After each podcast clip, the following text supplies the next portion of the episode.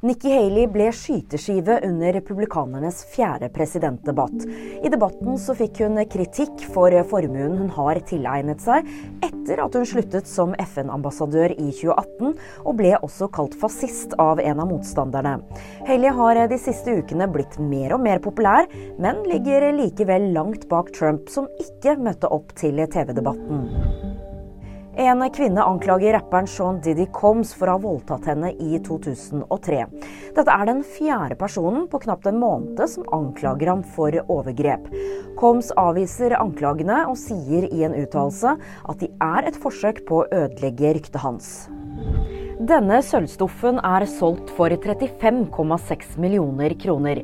Denne 76 år gamle sølvstoffen er fra Kongsberg sølvverk, og det var en mineralsamler som stakk av med den dyrebare gjenstanden. Og nyheter får du alltid på vg.no.